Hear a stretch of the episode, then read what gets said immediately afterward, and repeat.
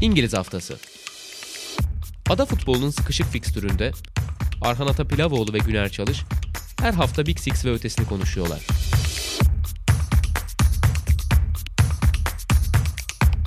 Statsbomb işbirliğiyle. Sokrates'ten, Sokrates Podcast'ten herkese merhabalar. İngiliz Haftası'nın yeni bölümüyle karşınızdayız. Ben Arhan Atapilavoğlu, sevgili Güner Çalış'la birlikte Dünya Kupası sonrası yeniden dünyadaki bütün organizasyonlar gibi biz de futbola, Premier Lig'e geri dönüyoruz. Abi hoş geldin öncelikle. Merhaba, hoş bulduk. Uzun zaman oldu e, Dünya Kupası'nı. Şöyle ilk soruyu hızlıca sorayım. Kasım, Aralık'ta da Dünya Kupası olur muymuş sence? Ya olurmuş tabii ama biraz nasıl diyeyim hani böyle siyasi sebeplerden falan değil de hani genel olarak biraz fazla geldik bir geldi ona. Yani çok ekstra futbola maruz kaldık gibi. Yani evet hakikaten keyifliydi sahada oynanan oyun. Zaten final maçı hani onun son noktası oldu hakikaten.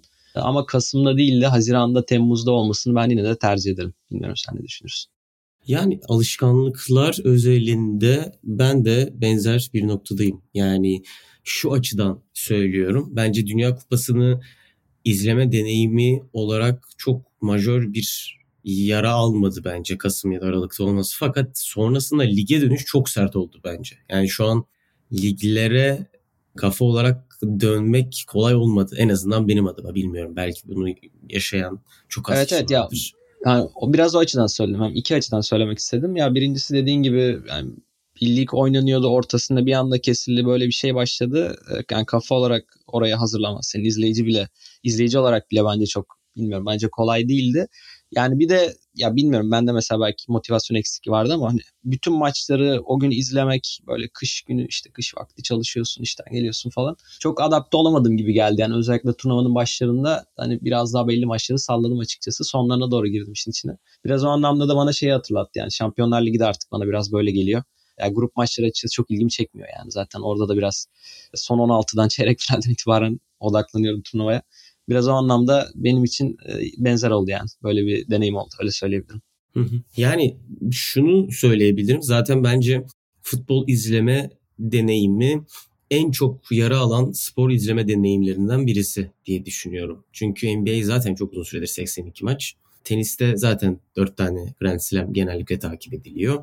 E, buna belki snooker'ı da ekleyebiliriz futbolun yanında ama hani onun çok fazla belki tepki gösterilecek kadar yer aldığını düşünmüyorum. Ya Formula 1 de çok fazla mesela yarışları arttırdı. Snooker'da çok fazla turnuva oynanıyor. Futbolda da keza çok fazla maç yapılıyor. Yani maalesef o kadar fazla maça maruz kalıyoruz ki örneğin işte Perşembe günü müydü Manchester City Liverpool maçı? Perşembe olması Hı-hı. lazım. Hı-hı.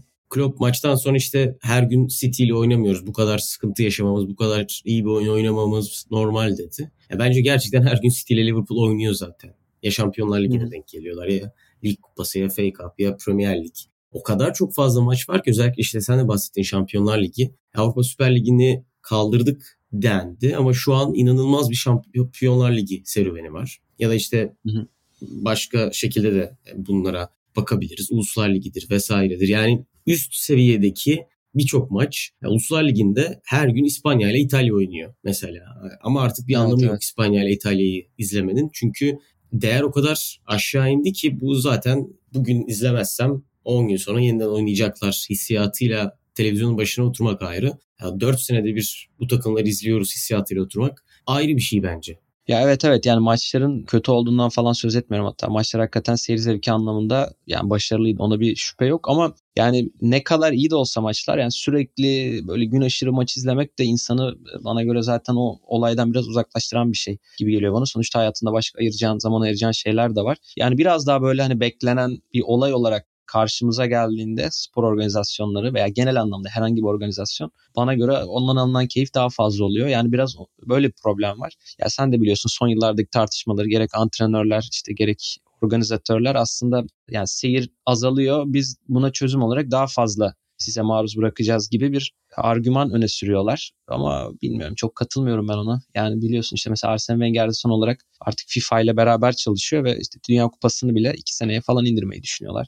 Bilemiyorum yani çok katılmıyorum ona. İşte Uluslar Ligi'ni söyledin mesela. Uluslar Ligi'nde de aslında bence şöyle bir problem oldu hatta. İşte mesela Kevin De Bruyne de söylüyor. Başka antrenörlerden de duyabiliriz belki bunu. Yani oyuncular çok da keyif almıyorlar sanki bundan ya da katılımcılar. Çünkü biraz da nasıl yaklaşacaklarını bilemiyorlar sanırım. Yani mesela Dünya Kupası'na farklı motivasyonla geliyorsun. Yani o hakikaten çok önemli bir olay. E işte Uluslar Ligi'nde belki işte İtalya ile onun dengi büyüklükte bir ülke oynuyor ama orada sanıyorum benzer e, önemi verdiklerini göremiyoruz. Çünkü orada mesela çok enteresan sonuçlar alınabiliyor. İşte İngiltere mesela çok kötü bir ulusal lig karnesiyle geldi. İşte keza Türkiye biliyorsun yine öyle bir problem yaşamıştı kupaya. Bir önceki kupadan bahsediyorum. Yani orada da problemler olabiliyor. Bu kadar fazla organizasyon yaptığın zaman takımların motivasyonu veya organizasyona verdikleri değerlerde de bence bir kafa karışıklığı olabiliyor.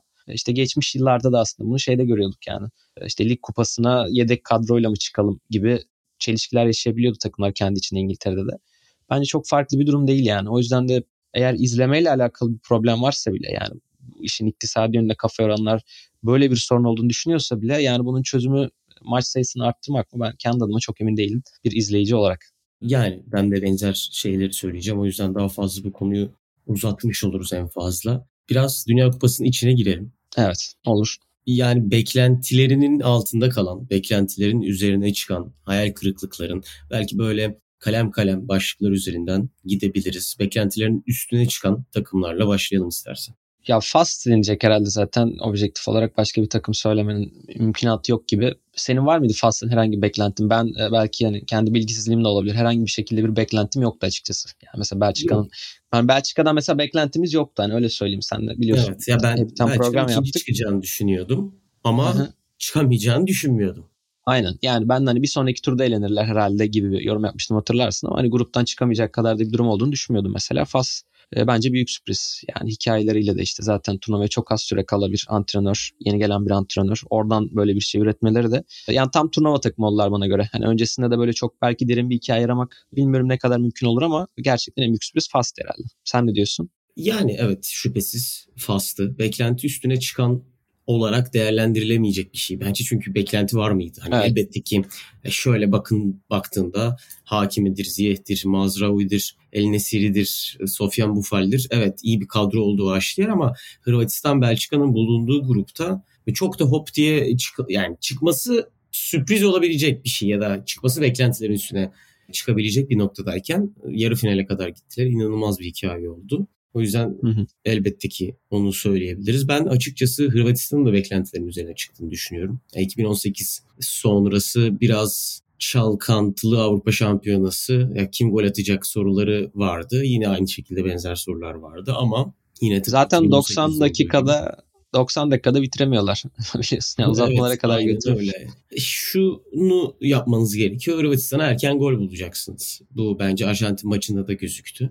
Hı hı. Hırvatistan'a erken gol bulduktan sonra Hırvatistan gol aramaya başladığında daha fazla alan verecek. İşte Messi'nin Guardiola yaptıklarını hatırlıyoruz. Hı hı. Ama ne olursa olsun yarı final hiç beklemiyordum açıkçası söylemek gerekirse ben Hırvatistan'dan. Beklenti altına kalan var mı? Senin elbette ki vardır çünkü var büyük favorilerde. Ya Uruguay mesela bence sürprizdi. Almanya zaten herkesin söylediği bir takım ama Almanya'dan yine e, hatırlarsın o son programda biraz bahsettik. Yani ne bekleyeceğimizi bilemiyorum demiştim. Yani İspanya'da mesela iyi bir dönemden sonra bir çöküşe girdi. Ondan sonra Luis Enrique ile çıkış yaptı mı diye konuşuyorduk. Hani Almanya'nın da öyle bir yani kendini göstereceği bir turnuva geçirmesi gerekiyordu. Yine yapamadılar. Onlarda belli ki kriz devam ediyor. Yani hem evet büyük hayal kırıklığı tabii ki Almanya'nın ilk turda elenmesi ama bir yandan da aslında son yıllardaki sürecin bir noktada devamı gibi onları söyleyebiliriz. Uruguay bence enteresan kötüydü gerçekten. Ben Uruguay'ı söyleyebilirim ekstra olarak kendime.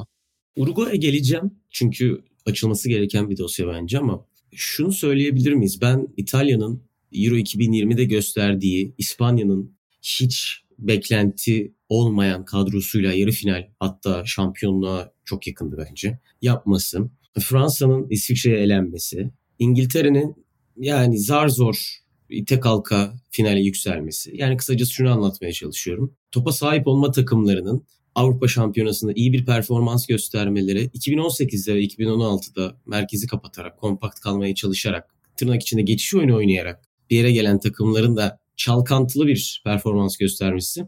Bu Dünya Kupası'na gelirken benim zihnimde şunu oluşturmuştu ki konuşmuştuk da bunu. Ya eğer İspanya burada bir şeyler başarabilirse Luis Enrique ile birlikte milli takım hocalığı da biraz değişebilir. Yani hı hı. şu Senin an öyle beklentin vardı evet. Milli takımda olan hocalardan Luis Enrique ve Hans Flick hariç muhtemelen kulüp takımı çalıştırabilecek yani daha doğrusu elit kulüp takımı çalıştırabilecek hoca yok milli takım konusunda. Belki bir de Martinez ekleyebiliriz. Ama onu da işte bu Belçika macerasından onu da çok beğenmiyorlar.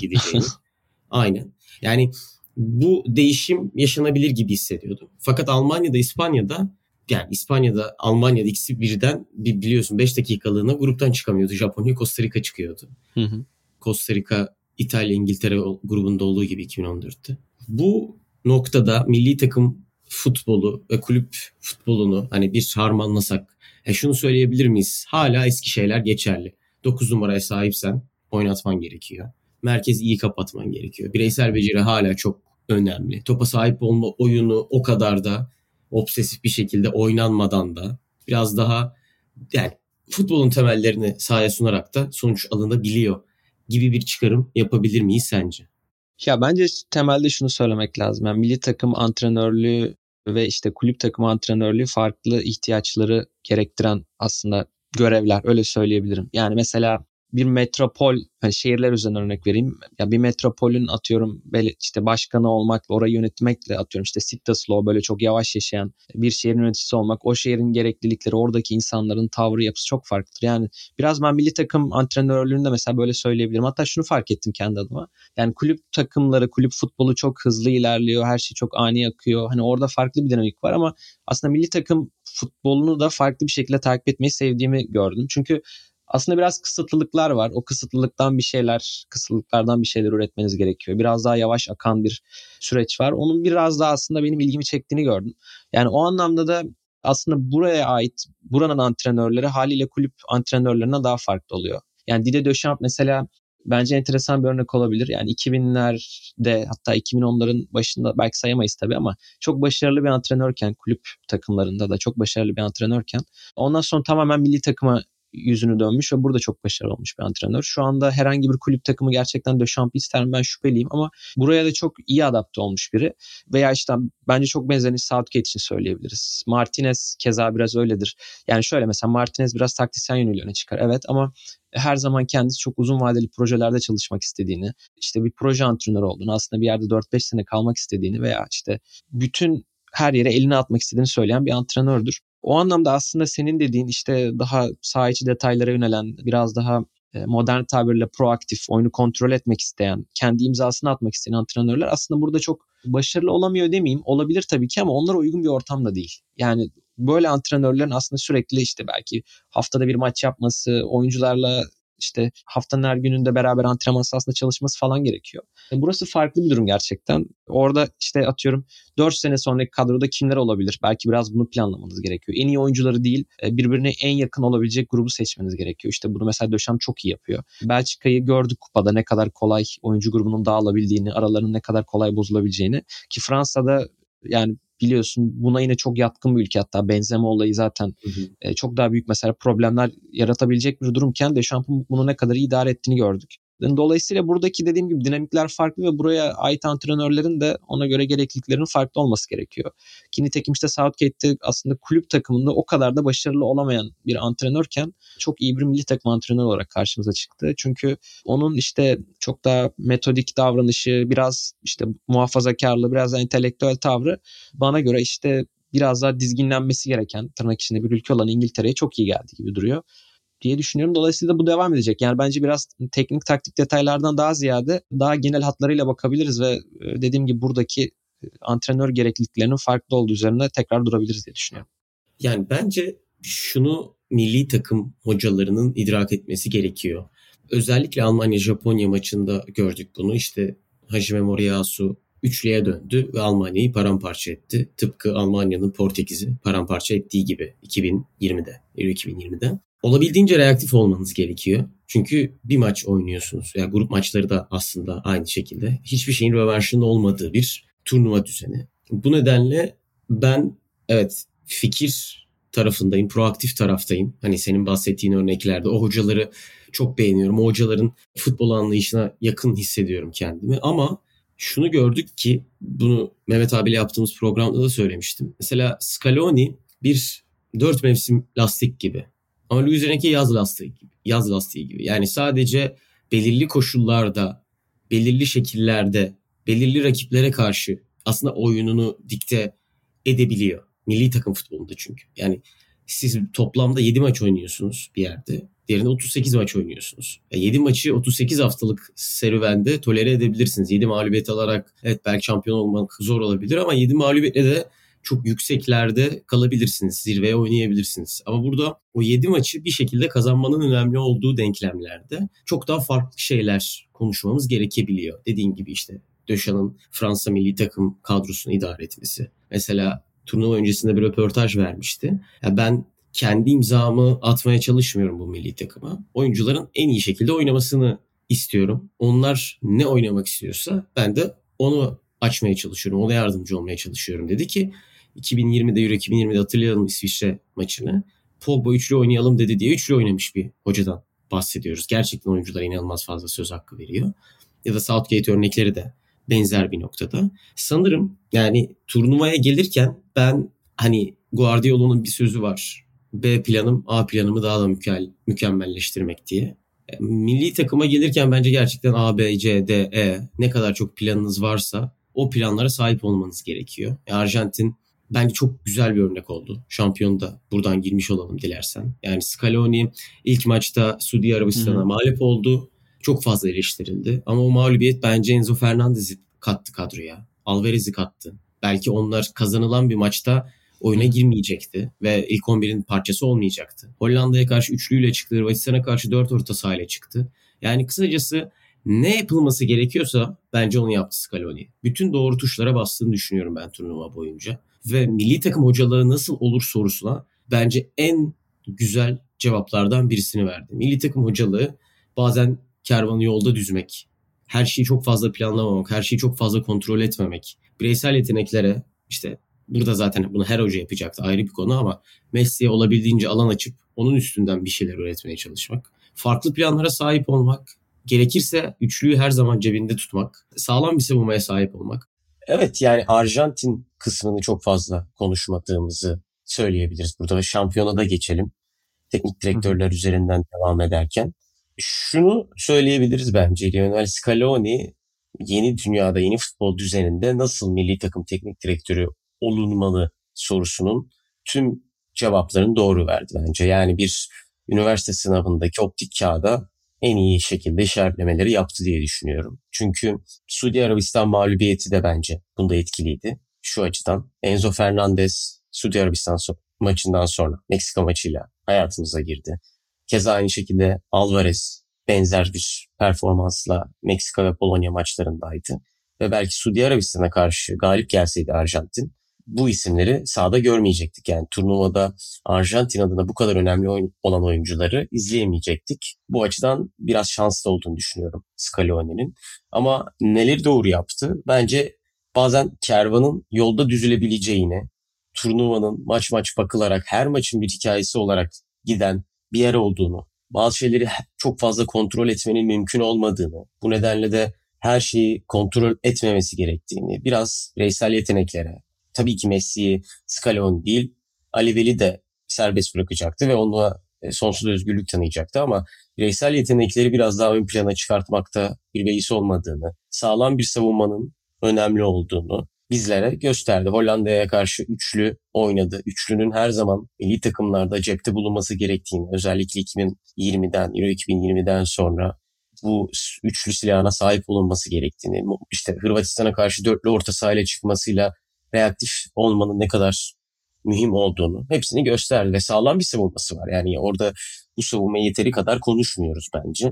Çünkü yani final maçı çok absürttü çok enteresan şekilde goller geldi. Zaten şok. Suudi Arabistan maçı Suudi Arabistan'ın gol beklentisi 0-10'larda attığı goller. İkisi de çok absürt goller oldu.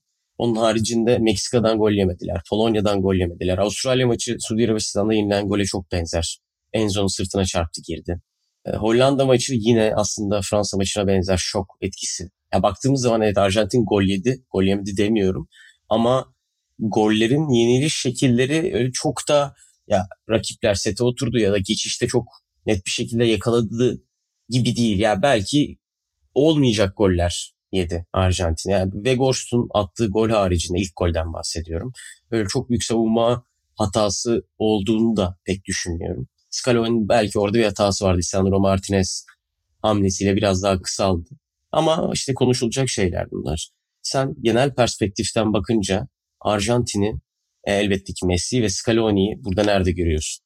Bence burada şunun üzerinde de durabiliriz. Yani pek çok yine antrenör de bence bunu söylüyor artık. Yani milli takım antrenörlüğü veya milli takım geleneği dediğimiz bir şey de var. Yani şunun gibi Mesela ben yine sözü Martinez'e getirirsem Belçika'nın neden başarılı olamayacağı üzerine söylediği bir şey vardı hep görev süresi boyunca. Yani Belçika'nın mesela başarılı olan bir geçmişi yok. Yani evet bizi şampiyonluk adayı olarak gösteriyorsunuz ama ne bu oyuncu grubu ne de geçmişteki bir Belçika takımı şampiyon olabilmiş değil. Yani bunun getirdiği bir gelenek bir ağırlık oluyor şeklinde bir açıklaması vardı. Ya mesela benzer örnekleri biz verebiliriz. Senegal olabilir mesela. Senegal uzun süredir işte Aliou Cisse ile beraber çalışıyor. Belli bir metodolojiyi, belli bir oyun biçimini oturtmuş durumdalar. İşte finalde kaybettiler, finalde kazandılar. Belli, yani ve hani belli bir şekilde büyüyerek buraya geldiler. İşte Fransa'yı zaten çok uzun süredir Döşamp aynı biçimde oynatıyor. Oyuncu grubu hem belli bir oynama biçimine alıştı hem de işte o kazanma kültürünü yerleştirdi veya kendi güvenini yerleştirdi öyle söyleyebilirim. Yani bu belki hani ben söylesem çok önemli olmayabilir. Belki biraz spekülatif bir çıkarım olabilir ama yani bu işin içindeki insanlar, mutfağındaki insanlar birebir e, pek çok kişi farklı zamanlarda bundan bahsediyorsa herhalde bu da önemli bir şeydir diye düşünüyorum. Hani bunu söylememin sebebi de aslında Arjantin evet Scaloni burada hani bir önem atfedebiliriz. Hakikaten çok doğru parçaları doğru şekilde yerleştirdi, kartlarını doğru oynadı gibi. Ama bir yandan baktığında da aslında 2014'ten bu yana gelen bir Arjantin milli takımı geleneğinden de tırnak içinde bahsedebiliriz gibi geliyor bana. Da işte 2014'ü hatırla. Orada da bir işte final ve hani belli sorunları olan bir takım. Onun üzerine aslında biraz da e, yeni oyuncuların şansı diye düşünüyorum. Ben mesela işte Emiliano Martinez'den belki ne bahsedebiliriz. Evet başka yönlerle de öne çıktı turnuvada ama yani o turnuvanın aksine biraz da şans bir anda son birkaç sene içinde bir böyle bir kalecinin mesela ortaya çıkmış olması. İşte o turnuvada gol atamayan, Messi'ye eşlik, ede- eşlik edemeyen forvetleri vardı Arjantin'in.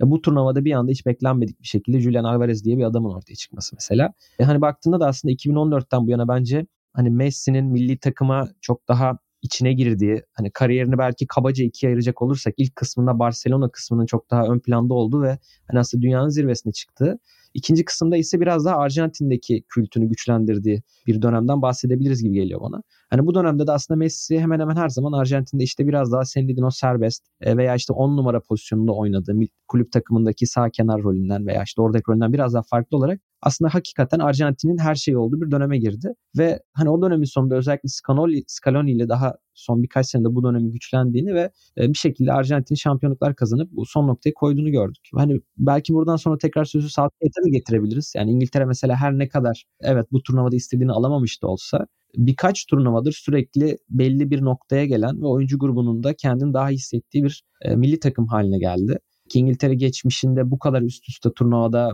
böyle başarılar elde edebilen bir ülke değildi açıkçası. Hani o anlamda da evet kamuoyunun baskısını yönetmek, e, başarısızlıklardan sonra devam etmek zor olabiliyor. Ama bazen de özellikle milli takımlarda oyuncuların o büyük resimde daha iyi gittiğini gördüğünüz zaman belki aynı antrenörlere devam etmek, o sürecin devam etmesine izin vermek gerekiyor gibi geliyor bana.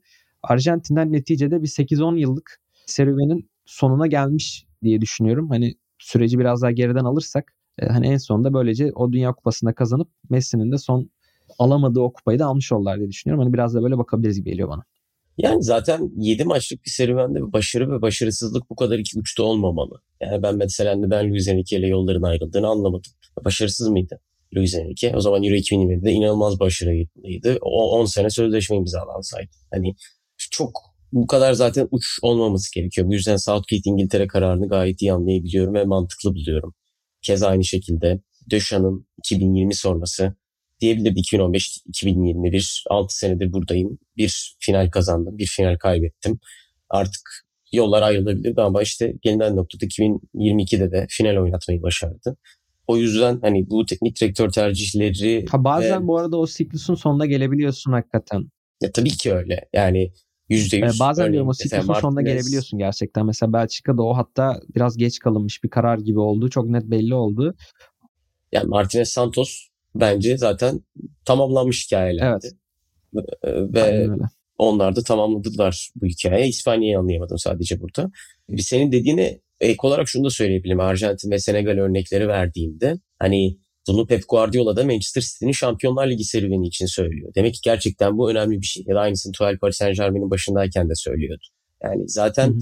bu tırnak içinde zengin kulüplerin istisnası tek Chelsea.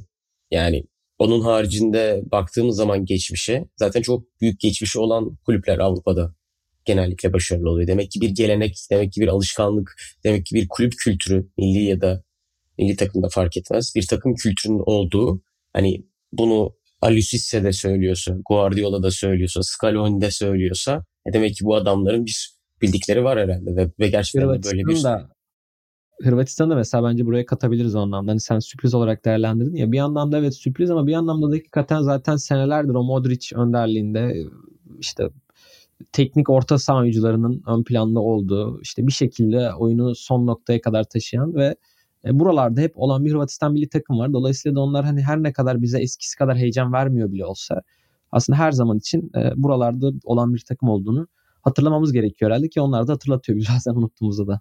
Öyle gözüküyor. Aynen öyle. Yani sanırım bu biraz soyut ve gerçekten sporun içinde daha fazla olan kişilerin çok daha iyi idrak edebileceği bir şey.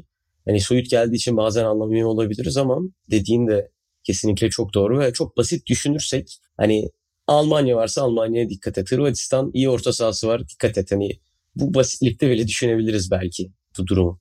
Evet ya ya da işte o sürecin sonuna geldiğini anlamak için ya da işte eskisi gibi olmadığını anlamak için en azından birkaç turnuva gerekiyor denebilir. Ya işte mesela dediğim gibi o krizi şu an Almanya'da görüyoruz bence. Ben hala mesela Almanya hakkında ne düşünmemiz gerekiyor çok emin değilim bir sonraki turnuvada dahil olmak üzere. Yani bu Almanya hiçbir zaman eskisi kadar iyi olmayacak anlamına gelmiyor ama bazen o krizlerin birkaç turnuvadan daha fazla sürebildiğinde neticede görebiliyoruz. O anlamda da bu şekilde düşüşteki ülkelerin de tekrar orada olduğunu gösteren en azından çok önemli bir turnuva geçirmesi gerekiyor bence. Bakalım göreceğiz. Yani mesela İtalya'da biliyorsun hala evet şampiyon oldular mesela ama bir sonraki turnuvaya da katılamadı. Yani atıyorum 2000'lerin başındaki İtalya'da değil yani. O da hani hem oyuncu kalitesi anlamında hem e, dominantlık anlamında onu da söyleyebiliriz mesela. Evet. Tabii üst üste iki Dünya Kupası kaçırmak İtalya gibi Yani, bir ülke için çok çok enteresan. Ekleyeceğin bir şey, ya son şeyi de sorayım. Sence tartışma bitti mi? Ne için? Messi. Ha ya herhalde bitmiştir. Ya ben onu çok şey ilgilenmiyorum öyle söyleyeyim de. Yani evet öyle bir tartışma yapılabilir de sonuçta Dünya Kupası'nı kazandı belki yeni bir şey çıkacak. Yani şimdi işte Barcelona dışında Paris Saint Germain de kazanamadı falan da diyebilirsin. Yani o biraz bilmiyorum. Bana bunlar spekülatif geliyor açıkçası. Yani tartışmak için hani tartışmak için tartışalım gibi duruma geliyor gibi düşünüyorum. Ha tabii ki Dünya Kupası kazanmak bir oyuncunun efsanesine, bir oyuncunun kültüne ekstra bir katman ekleyen bir şey. O ayrı bir durum. Ama tabii ki bu kupayı kazanmasa bile de çok büyük oyuncular arasında yerini alacaktı. Şimdi hikayesiyle beraber yani bu kupayı kazanışları finalle de beraber tabii ki efsanesine efsane eklemiş oldu ama bu olmasa da bence o kadar önemli bir fark olur muydu? Ben yani çok emin değilim, çok katılmıyorum. Yani ben Iniesta'nın dediğine %100 katıldığım için Iniesta'nın dediğini söyleyeyim burada. Messi'nin Dünya Kupası'nı kazanıp kazanmaması şu açıdan bir şey fark etmiyor. Yani Messi'yi Dünya Kupası kazanmadan önce tarihin en iyisi olarak adlandırmayanlar Dünya Kupası kazandıktan sonra da adlandırmaz. Çünkü bir şey alıp götürmedi Messi'den bu durum. O saha içinde yaptıkları zaten hani yıllardır yaptığı şeyler. O yüzden ben de benzer noktadayım. Ya bir de ben şöyle farklı bir şey söyleyeyim istersen çok uzatmadan aslında. Yani dönemler birbirinden çok farklı gerçekten. Yani 80'ler 90'lardan farklı, 2000'ler 2010'lardan farklı. Yani pek çok parametre var ve işte 80'lerde efsane olan bir oyuncunun içinde bulunduğu koşullarla 2000'lerdeki bir oyuncunun içinde bulunduğu koşullar çok farklı ve onları onların efsane olma sebepleri de çok farklı. Yani mesela işte atıyorum Pele ile Maradona'yı karşılaştırmak veya işte Cruyff ile Messi'yi karşılaştırmak da o anlamda biraz elma ile armutu karşılaştırmak gibi oluyor. Yani bunu sadece oyunun oynanma biçimi açısından söylemiyorum. Hani genelde o söylenir ya işte Maradona'nın oynadığı zaman da futbol ne kadar işte hızlı oynanıyordu vesaire gibi. Aslında çok ondan da bahsetmiyorum. Yani atıyorum Cruyff'un getirdiği veya onu farklı kılan, onu efsane kılan mesela farklı bir şey. Yani oyunun oynanma biçimini tamamen değiştirmesi veya Cruyff'un Sağ dışındaki de işte devrimci tavrı diyeyim, kendine olan özgüveni, farklılığı mesela. İşte Maradona'nın yani tek başına yani belki katılmazsın bilmiyorum ama belki Messi'den bile daha fazla biçimde bazı takımları tek başına şampiyon yapabilmesi, işte o takımlarda, o ülkelerde bıraktığı iz. İşte Pele'nin dünyada futbolun ilk hemen hemen ilk bir şekilde globalleşmeye başladığı dönemlerde o globalleşen futbolun yüzü olması bir noktada gibi gibi. İşte Messi'nin de modern dönemde rekorları alt üst eden olağanüstü yetenekli bir oyuncu olması. Yani her birinin farklı noktalardan da çıkarabilirsin ve o yüzden de yani bana kalırsa açıkçası dönemleri kendi içinde değerlendirmek gerekiyor. Yani ben o anlamda da yani tarihin en iyisi midir? Evet olabilir ama o tartışmaya da girmeyi çok sevmiyorum öyle söyleyeyim. Yani belki Messi'yi 2000-2020 arasında sadece değerlendirmek, işte Maradona'yı sadece 80'lerde 90'larda değerlendirmek daha doğru olabilir gibi de geliyor. Benim bakış açıma göre öyle söyleyeyim. Bilmiyorum anlatabildim mi? Yok çünkü, anladım kesinlikle. Çünkü herkes efsane yapan sebepler bana göre biraz daha farklı. Eğer sadece istatistikler üzerinden attığı gol üzerinden falan değerlendirirsen çok doğru olmayabiliyor. Yani işte mesela İngiltere'de de en çok gol atan oyuncu atıyorum bir takvim yılında Dixie Dean ama 1930'da oynamış bir oyuncu. Şimdi onunla Haaland'ı karşılaştırmak ne kadar doğru bilemiyorum ama. Ya Henry o... ile Giroud'u karşılaştırmak bile o kadar uzağa gitmeye gerek yok. Şu an Giroud milli takım en golcü oyuncusu Fransa'da ama yani, yani. Henry'nin yarattığı etkinin neresinde kalıyor? Bunları tartışabiliriz elbette. Bence dönem kıyaslaması zaten basketbolda inanılmaz fazla ortaya çıkan bir şey. Hani 80 reboundun alındığı dönemle şu an nasıl karşılaştırıldığında absürt bir durum ortaya çıkıyorsa futbol için de benzer şeyler geçerli. Ve bu Aras Yetiş'le bunun genellikle sohbetini yaparız. Hani Schumacher geçse Hamilton farklı bir şey. Ama Schumacher olmak çok farklı bir şey. Demek istediğimi anlatabildim mi? Yani döneme etki olarak yani herkesin ya işte, o... ilk efsaneydi yani onu söyleyebilirsin. Belki yarın bir gün işte Schumacher, Michael Jordan'ı geçebilecek çok daha belki büyük isimler olacak ama işte işte sporun tırnak içinde daha endüstriyelleştiği dönemde efsane olan ve çok büyük nesillere iz bırakan figürler bunlar. Yani bu anlamda efsaneler baktığında. Belki yarın bir gün biri çıkacak ve çok daha iyi olacak ondan ama onun iyiliğini neye göre tartışacağız onu ayrıca değerlendiririz. Aynen işte o yüzden diyorum hani Hamilton e, Schumacher geçerse istatistiksel olarak tarihin en iyisi gibi gözüküyor. Ama işte o, o izi ne kadar yaratabildi sorusu da sorulabiliyor. O yüzden hani evet ya da hayır cevabı vermiyorum buna. Sadece tartışmak istenilen bir şey olursa zaten tartışılır. Arayan bulur hesabı. Ha bu ne olacak? O yüzden... İşte senin benim jenerasyonum için atıyorum Messi sen ileride işte çoluğuna çocuğuna belki ya da 50 yaşına geldiğinde diyeceksin ki biri diyecek abi işte X oyuncu en iyi sen diyeceksin ki yok Messi gibisi gelmedi falan. Ya oraya geliyor. Tabii olay. tabii. Evet aynen öyle. İkiniz de haksız değilsiniz. Ha yani aynen yani oraya geldi. İkiniz de haksız değilsiniz yani dediğim gibi çünkü bir de dönemler de farklı olacak. Belki o zaman futbol maçları 30 dakika olacak yani. Millet diyecek ki adam 90 dakikada bu kadar gol atmış falan. Tabii. Ee, Belki yarım saatte hat-trick yapan adamla denk geliriz biz de. Yani olabilir tabii. bu şekilde. Var mı ekleyeceğin Dünya Kupası'na dair? Yok yavaştan e, Premier Lig'e geçelim istersen tekrardan. Tamam. E, Premier Lig'i yeniden açıyoruz. 26 ile birlikte.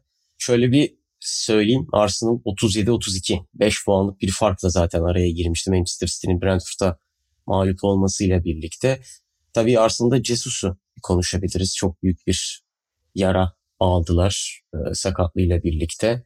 Ve fikstür olarak da West Ham maçı. Yani sert bir fikstürle dönüyorlar. Hı hı. Nasıl, neler bekliyorsun Premier Lig şampiyonluk yarışında? Ya ben şunu düşündüm. İşte mesela Güney Amerika'da Apertura, Clausura diye iki ayrı şekilde oynanıyor ligler. Yani biraz ona benzedi bu sene sanki Premier Lig. Her şey böyle yeni baştan başlıyor. Evet belli takımlar daha işte puan avantajıyla başlıyor diyeyim ama her şey sanki sıfırdan başlıyoruz gibi geliyor bana. Belli takımlar için de çok iyi oldu. Mesela Arsenal için evet kötü olmuştur. Çok iyi bir ritimle gidiyorlardı. Bir de üzerine Jesus'u kaybettiler. Şimdi tekrar böyle sanki sezon başındaki gibi olacak bence. Biraz hani sezona başlarken ilk böyle bir ritmini bulabildim mi bulamadım mı neredeyiz e, nasıl olacak hı hı. falan bilemezsin ya. Sanki biraz oradalar gibi geliyor bana. Ama atıyorum e, işte Wolves için çok iyi olmuş olabilir. Sıfırdan başlayacak olabilirler. İşte Aston Villa için öyle olabilir mesela. Manchester United için öyle olabilir. Belki zaten iyi gidiyorlardı ama belki tekrar Southampton için olabilir. Şey kalacaklar.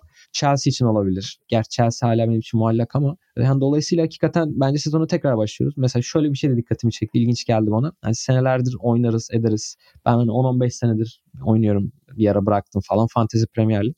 İlk defa mesela sezon ortasında tekrar tabii ilk defa böyle bir şey yaşanıyor. Ayrı muhab- durum da işte limitsiz transfer yapabilme hakkı ve sezon ortasında yeni bir lige başlamışlar. Yani second chance diye.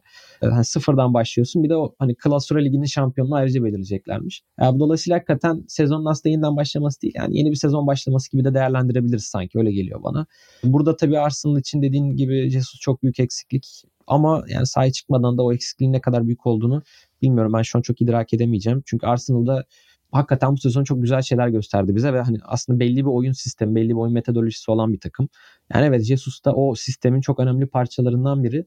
Ama sanki hani biri çıkıp biri girdiğinde de o kadar da fark etmiyor gibi geliyor bana bazen Arsenal'a dair. Evet çok önemli oyuncular var işte bunlardan biri belki işte Jesus, Zinchenko diyebilirsin. Hani böyle belli rolleri çok spesifik bir şekilde yapan oyuncular.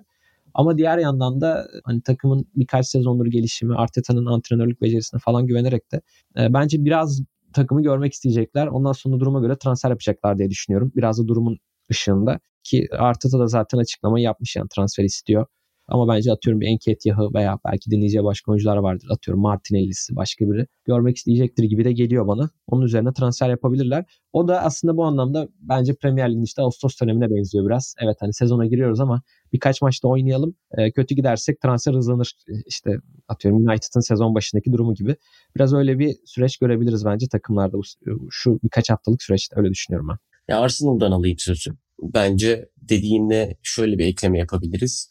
Örneğin City'de bir kanat oyuncusu sakatlandığında eksikliğini çok fazla hissetmezsin. Ama Liverpool'da Salah ya da Mane sakatlansaydı eksikliğini net bir şekilde hissedebilirdi. Biraz ben buna benzetiyorum. Yani Manchester City'nin hücumunda geçtiğimiz seneler için konuşuyorum. Tabii ki şu an Haaland'ın eksikliği çok hissedilir ama hatırlarsın De Bruyne'nin olmadığı bir sezon vardı. Aa De Bruyne yok denmeyecek şekilde akıyordu takım. Ya benzer bir şey biz Arsenal'da da görebiliriz. Çünkü City ile Arsenal gerçekten birbirine çok fazla benzeyen iki takım. O yüzden Jesus'un yokluğu elbet, elbette ki hiç istenecek bir şey değil. Elbette ki formdayken takımın böyle bir araya girilmesi istenecek bir şey değil. Ama bunun altından kalkamayacak bir noktada da olduğunu düşünmüyorum ben Arsenal'ın geçmiş yıllardaki performansların aksine. Yeniden başlama konusunda da e, şöyle bir şey söyleyeyim. Löpetegi geldi biliyorsun Wolverhampton'a. E, tamamen hmm. sıfırdan başlıyor. Yaz kampı yapmış gibi. Ya işte Beşiktaş için de Şenol Güneş için aynısını söyleyebilirsin aşağı yukarı. Southampton hmm. keza aynı noktada. Ya bazı hocalar gerçekten tam arada zaten şunu da düşünüyorum ben. Premier Lig'de, Süper Lig'de, Avrupa'daki liglerde hoca değişikliğinin olmasının sebebi bence Dünya Kupası'ydı. Yani ben Valerian İsmail'in örneğin yine biraz Türkiye'ye kaydım ama hı hı. Dünya Kupası olmasa gönderileceğini düşünmüyorum. Yani Dünya Kupası'nda bir ara var takımı toparlayabiliriz hissiyatıyla benzer aksiyonların alındığını düşünüyorum. Ya da Wolverhampton'ın Lopetegui'de ısrarcı olup ondan önce başka bir hoca getirmemesinin işte geçici antrenörlerle çalışmasının sebebinin Dünya Kupası arası var.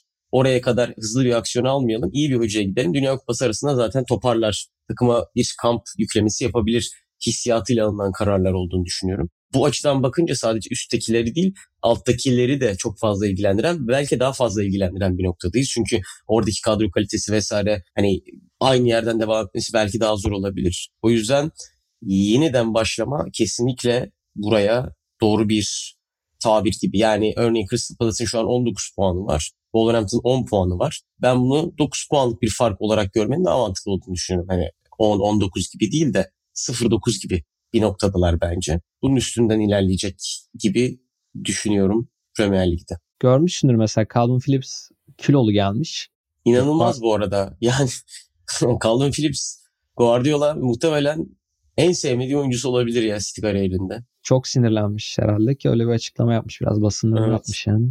Mesela Grealish neler yapıyor böyle atıldığını görmedim. Dediğim gibi herhalde bir şeyliği de var. Ee, hoşlanmadığı bir durum da olabilir. Şeyden söylüyorum onu. Kilolu gelme mevzusu. Yani hakikaten oyuncular ilk yazın sezona başlarken böyle sorunlar yaşarlar ya. Yani biraz onun gibi bir durum var. O belirsizlikler var. Tekrar bir şeylere başlamak yani kafa olarak da bence çok kolay değil. Ki e, işte Arjantin milli takımdan gelecek oyuncuların çoğuna önemli bir izin verildi. Çoğu yeni yıldan sonra gelecekmiş. Çünkü hala pek çoğu işte Buenos Aires'te. Dolayısıyla da sezonun işte bu ikinci kısmının ilk haftalarında ilk birkaç hafta zaten bence yine e, oldukça belirsizliklerle geçecek. Ancak işte bence Ocak sonu, Şubat başı gibi tekrar o ritme girecek sezon diye tahmin ediyorum ben. Tabii onun dışında sakatlıklar da olabilir. Onu zaten hep konuşuyorduk seninle. Bu sezonun nasıl geçeceğine dair çok bir şey bilmiyoruz. Ya mesela Harry Kane ne bileyim daha kaç maç oynayacak mesela bir yerde bir sakatlık kriziyle karşılaşacak? Bunları da bilmiyoruz. Onlar da sezonun gidişatını yine çok ciddi anlamda etkileyebilecek şeyler olabilir. Ee, biraz yaşayıp göreceğiz gibi geliyor. Böyle. Ekleyecek ee, şeyi söyleyeyim. Milli takım kim demişti hatırlamıyorum bunu ama milli takımdan gelen oyuncuların formu kondisyonu daha iyi dedi birisi. Ya Süper Lig'den ya Premier Lig'den bir antrenör. Gördün mü bu açıklamayı bilmiyorum Yok, ama. Dikkat etmedim herhalde. Yani milli takıma gitmeyenlerin daha çok sıkıntılı bir şekilde geri döndüğü de olmuş. O yüzden hmm. her anlamda enteresan bir maceraya aslında biraz balta girmemiş orman herkes için. Yeniden final 8 gibi mesela. Final 8 de enteresan bir tecrübeydi. Tek maç üstünden oynanıyor. Milli takım performansı gibi. City hemen elenmişti mesela.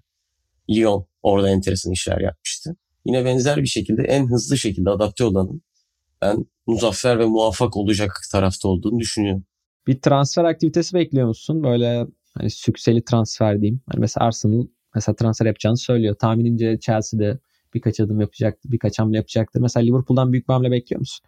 Yani. Onları da bu arada çok konuşmadık. Ee, sözüm kesin pardon ama belki bir sonraki programlarda yaparız ama aslında çok önemli iki gelişme oldu. Birbiriyle bağlantılı. Hem Liverpool'la Manchester United'ın satışı gündemde biliyorsun. Ona da aslında belki özel bir program da yaparız. Yani onlar da biraz çalkantıda kulüpler. Hatta Liverpool bayağı karıştı. Yani istifalar da var. Yönetim katında belki okumuşsundur bilmiyorum. Orada bir karışıklık olduğu kesin. Mesela bekliyor musun bir hamle Liverpool'dan? Yani Klopp'a sordular birkaç kez. Hani her şey için hazırlıklıyız ama sanmıyorum bir hamle yapacağımız dedi. Biraz zaten bu şekilde ilerliyor Liverpool'un son dönemleri. Reaktif hamleler. Mesela Haaland'ın gelmesi biraz Nunez, pardon Nunez'in gelmesi biraz Haaland'la da alakalı. Hı hı. O yüzden ben Premier Lig'deki takımların alacağı aksiyonlar doğrultusunda Liverpool'un bir hamle yapacağını düşünüyorum. Örneğin Arsenal ya Jesus yerine net bir santrfor alalım gibi bir hamle yaparsa Liverpool'un da bu pazar arayışında olabileceğini düşünüyorum. Yani City mesela o konuda çok net oluyor ya. Guardiola diyor paramız yok. Aslında tabii ki paraları var ama hı hı. yapmıyorlar ve yapmıyorlar. Hani bir, fazla bir aktif ligde göstermiyorlar. Örneğin Cristiano Ronaldo durumunda olduğu gibi. Bir iş aldık. Başka bir şey alamayız dediler. Yani tabii ki onun altında teknik, taktik sebepler de vardı ama o yüzden Liverpool'un ben biraz daha reaktif olabileceğini düşünüyorum bu transfer döneminde. Evet yani dediğim gibi oralarda da aslında çok büyük gelişmeler var. Şu an ben hala... Orada Newcastle'ın da çok hareketli bir transfer dönemi geçirileceği söyleniyor. Hmm. Onlar onlar için ne söyle, e, ne düşünüyorsun? Yani sence bu sene ilk dört yapabilirler mi? Bu 2010'ların başındaki City'nin büyüklerin hakimiyetini kırışı benzeri bir sence kırılma gerçekleşecek mi bu sezon? Yani şu açıdan ilk dört zor. Çok farklı girmediler. Ya 5-6 puan farklı girselerdi toparlayabilirler. Yani kalabilirler diye düşünüyorum. Yani ilk 6 olabilir. Bence realistik hedefin ilk 6 olması lazım. Çünkü Liverpool 22, Newcastle 30. Yani 8 puan bir maçı da eksik Liverpool'un. Onu da düşsek 5 puan ediyor. Yani çok da uzakta değil yani Newcastle. O yüzden ilk 6 biraz daha sanki daha realistik gibi geliyor bana şu an için. Hı hı. Bu arada Aston Villa'da Joao Felix haberlerini gördün mü? Gördüm. Aston Villa büyük oynuyor ama yani bilemiyorum. Ya mesela büyük oynuyor da atıyorum Emiliano, Emiliano Martinez elinde tutabilecek mi ya da tutmak istiyorum. Onu bile konuşabiliriz şu an. Emery satmak istiyormuş bu arada. Ee, evet yani öyle bir dedikodu çıkmış. Bilmiyorum çok hoşlanmadım o şeyden ama en azından şunu söyledi. Yani geldiğinde kendisiyle konuşmak istiyorum diye. Ee, işte bu dünya sevinç, sevinçin üzerine bir de biliyorsun Mbappe bebekle e, çıktı. Evet. Otobüsün üstüne. yani ya şöyle bu arada e, sen hatta sen de söylemiştin. Bir Emiliano Martinez'in de çok sevdiği bir kaleci antrenörü vardı. Aston Villa'nın. Şöyleymiş mesela ben bunu bilmiyordum. İşte Martinez'in gelişimindeki önemli faktörlerden birini yine bu kaleci antrenörü oldu söyleniyor. Curtis'ti sanırım yanlış söylemek istemiyorum ama Neil Curtis olabilir adı. Emiliano Martinez'in sahada duygusal yönünü daha fazla göstermesi üzerine de çalışmalar yapmışlar. Kendisi böyle bir açıklama yapmış kaleci antrenörü. Yani oyunu daha iyi yani kend, kendini motive edebilmek aslında biraz da rakibi korkutabilmek için zannediyorum. E, işte böyle hal hareketlerini biraz daha göstermesi gerektiği, kendini daha fazla ifade etmesi gerektiği üzerine falan çalışmışlar. Herhalde bunun da etkisi vardır diye düşünüyorum. Çünkü yani çok çok iyi bilmemekle birlikte Martinez'in hani 5 sene önce atıyorum bu hareketlere sahip bir kaleci olduğunu düşünmüyorum, sanmıyorum. Hani mesela bazı oyuncular vardır ya hep kariyeri boyunca agresiftir. Zaten bu tavırları gösteriyordur. İşte ne bileyim kantonalar, e, atıyorum işte Türkiye'den Felipe Melo'lar falan. Hani bunlar zaten oyunun hep bir parçasıydı veya antrenörden örnek verelim Mourinho hep öyle biriydi. E, ama Martinez'in bu karaktere dönüşmesi herhalde biraz da bilinçli yapılmış bir tercih gibi geliyor ama e, sanıyorum Kanter'ın topuzda kaçtı orada biraz hani böyle sorunlar oldu. Aston Villa'da herhalde rahatsız olmuş yani sonuçta bu adam bizi temsil ediyor, kulübü temsil ediyor. Hani biz de böyle anılmak istemiyoruz gibi. Hı hı. Ama ben giderse üzülürüm açıkçası. Yani çok iyi bir kaleci ve yani evet belli şeyler konusunda uyarılması gerekiyor olabilir ama bu yüzden de takımdan gönderilmesi ne kadar doğru olur bilemiyorum ki. Hani mesela Bayern Münih'te biliyorsun kaleci arıyor Felik Felik. Bayern Münih'in bile radarına girdiği söyleniyor. Hı hı. Hani Villa'da da böyle bir sorun var. Yani belli bir oyuncu bir anda çok büyüyünce elinde tutamayabiliyor. Hani bu sorun işte Grealish'te yaşandı. Emiliano Martinez de hani tekrar etmeyeyim aşırı duygusal da bir adam aslında ve hani turnuvadan önce yaptığı açıklamalarda da Villa'yı çok sevdiğini çünkü işte onu o yapan takımın Villa olduğunu falan söyledi. Hani dolayısıyla ayrılması da öyle çok kolay olmayabilir ama biz aynı açıklamaları Grealish'te gördük. Bayağı da bir hayal kırıklığı oldu ondan sonra. O yüzden de çok güvenemiyorum. Çünkü dediğim gibi bir anda böyle çok keskin bir çıkış yapan oyuncularda da hani fırsat kaçıyor artık bu noktadan benim hemen bir sonraki adıma geçmem gerekiyor. Aston Villa hedeflerimi karşılayan kulüp değil şeklinde bir kafa yapısına girme gibi bir durumda olabiliyor. İşte Calvin Phillips mesela benzerini belki Leeds'te yaşadı bilemiyorum. Dolayısıyla onun da ayrılığı sürpriz olmayacaktır evet. Yani bu hareketlerinden ee, bağımsız öyle söyleyeyim. Fabian Delph'ten beri artacaktır. Bence Fabian Delph'ten beri o dediğim durum var zaten. Aston Villa'da. E şunu yani en son James Milner kariyerini kurdu. E, İspanyol basınında da çıkmış Emiliano Martinez haberleri. E, Emery net bir şekilde istemiyormuş. Hı hı. Yani ben Emery'nin biraz öyle bir insan olduğunu düşünüyorum bu arada. Hani çalışmak istemediğini net bir şekilde belli edip ya bunlar olmaz deyip hani Mesut'ta da biraz benzer bir şey yaşamıştı hatırlarsın. Hatta sonrasında işte haklıymış Emery gibi şeyler ortaya çıkmıştı ki Arsenal'da da birlikte çalıştılar aslında Emery ile Martinez. Hı hı. Ben muhtemelen Üzücü olur yani üzülürüm ama yapacak bir şey yok. Hatta işte kaleci olarak da e, Fas'ın kalecisini milli takımdan istiyorlarmış sanıyorum. Onu. O da zaten Böyle hocanın tanıdığı seviyeden. Evet. Aynen. Ya Joao Felix biraz şey, Joao Felix bana biraz açıkçası menajer üzerinden gelişen bir haber gibi geldi. Yani ben adamın Atletico Madrid'den kopup Aston Villa'ya geleceğini pek düşünmüyorum ama tabii asla da asla dememek lazım.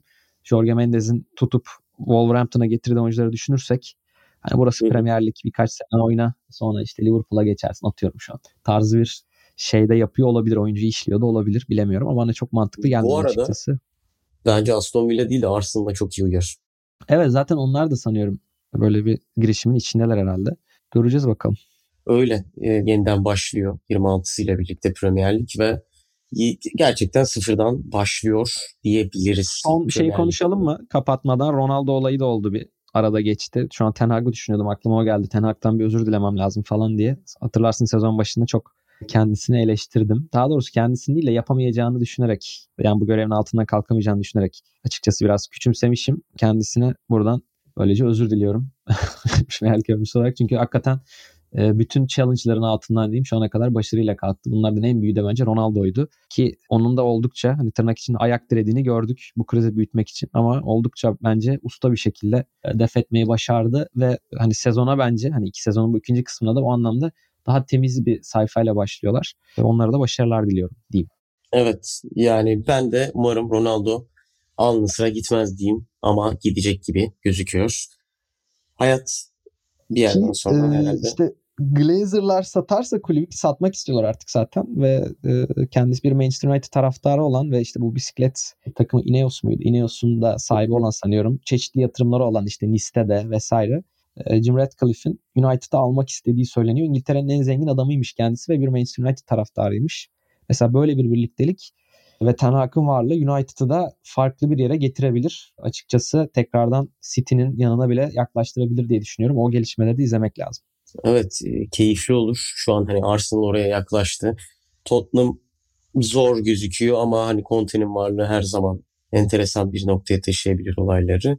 Bakalım yani yeniden rekabetin dozunun çok arttığı işte Wolverhampton'da oyuncular var diyoruz sonuncu. West Ham geçen sene inanılmaz oynuyordu 16.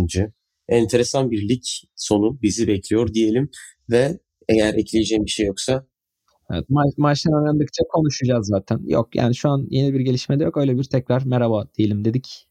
Kendi adıma öyle düşünüyorum en azından. Maçlar oynandıkça zaten belli konular tekrar ortaya çıktıkça üzerine yorumlar yaparız diye düşünüyorum. O zaman İngiliz haftasından bu haftalık bu kadar diyelim ve gelecek haftalarda görüşmek üzere. Hoşçakalın. Yeni yılda görüşmek üzere. Hoşçakalın.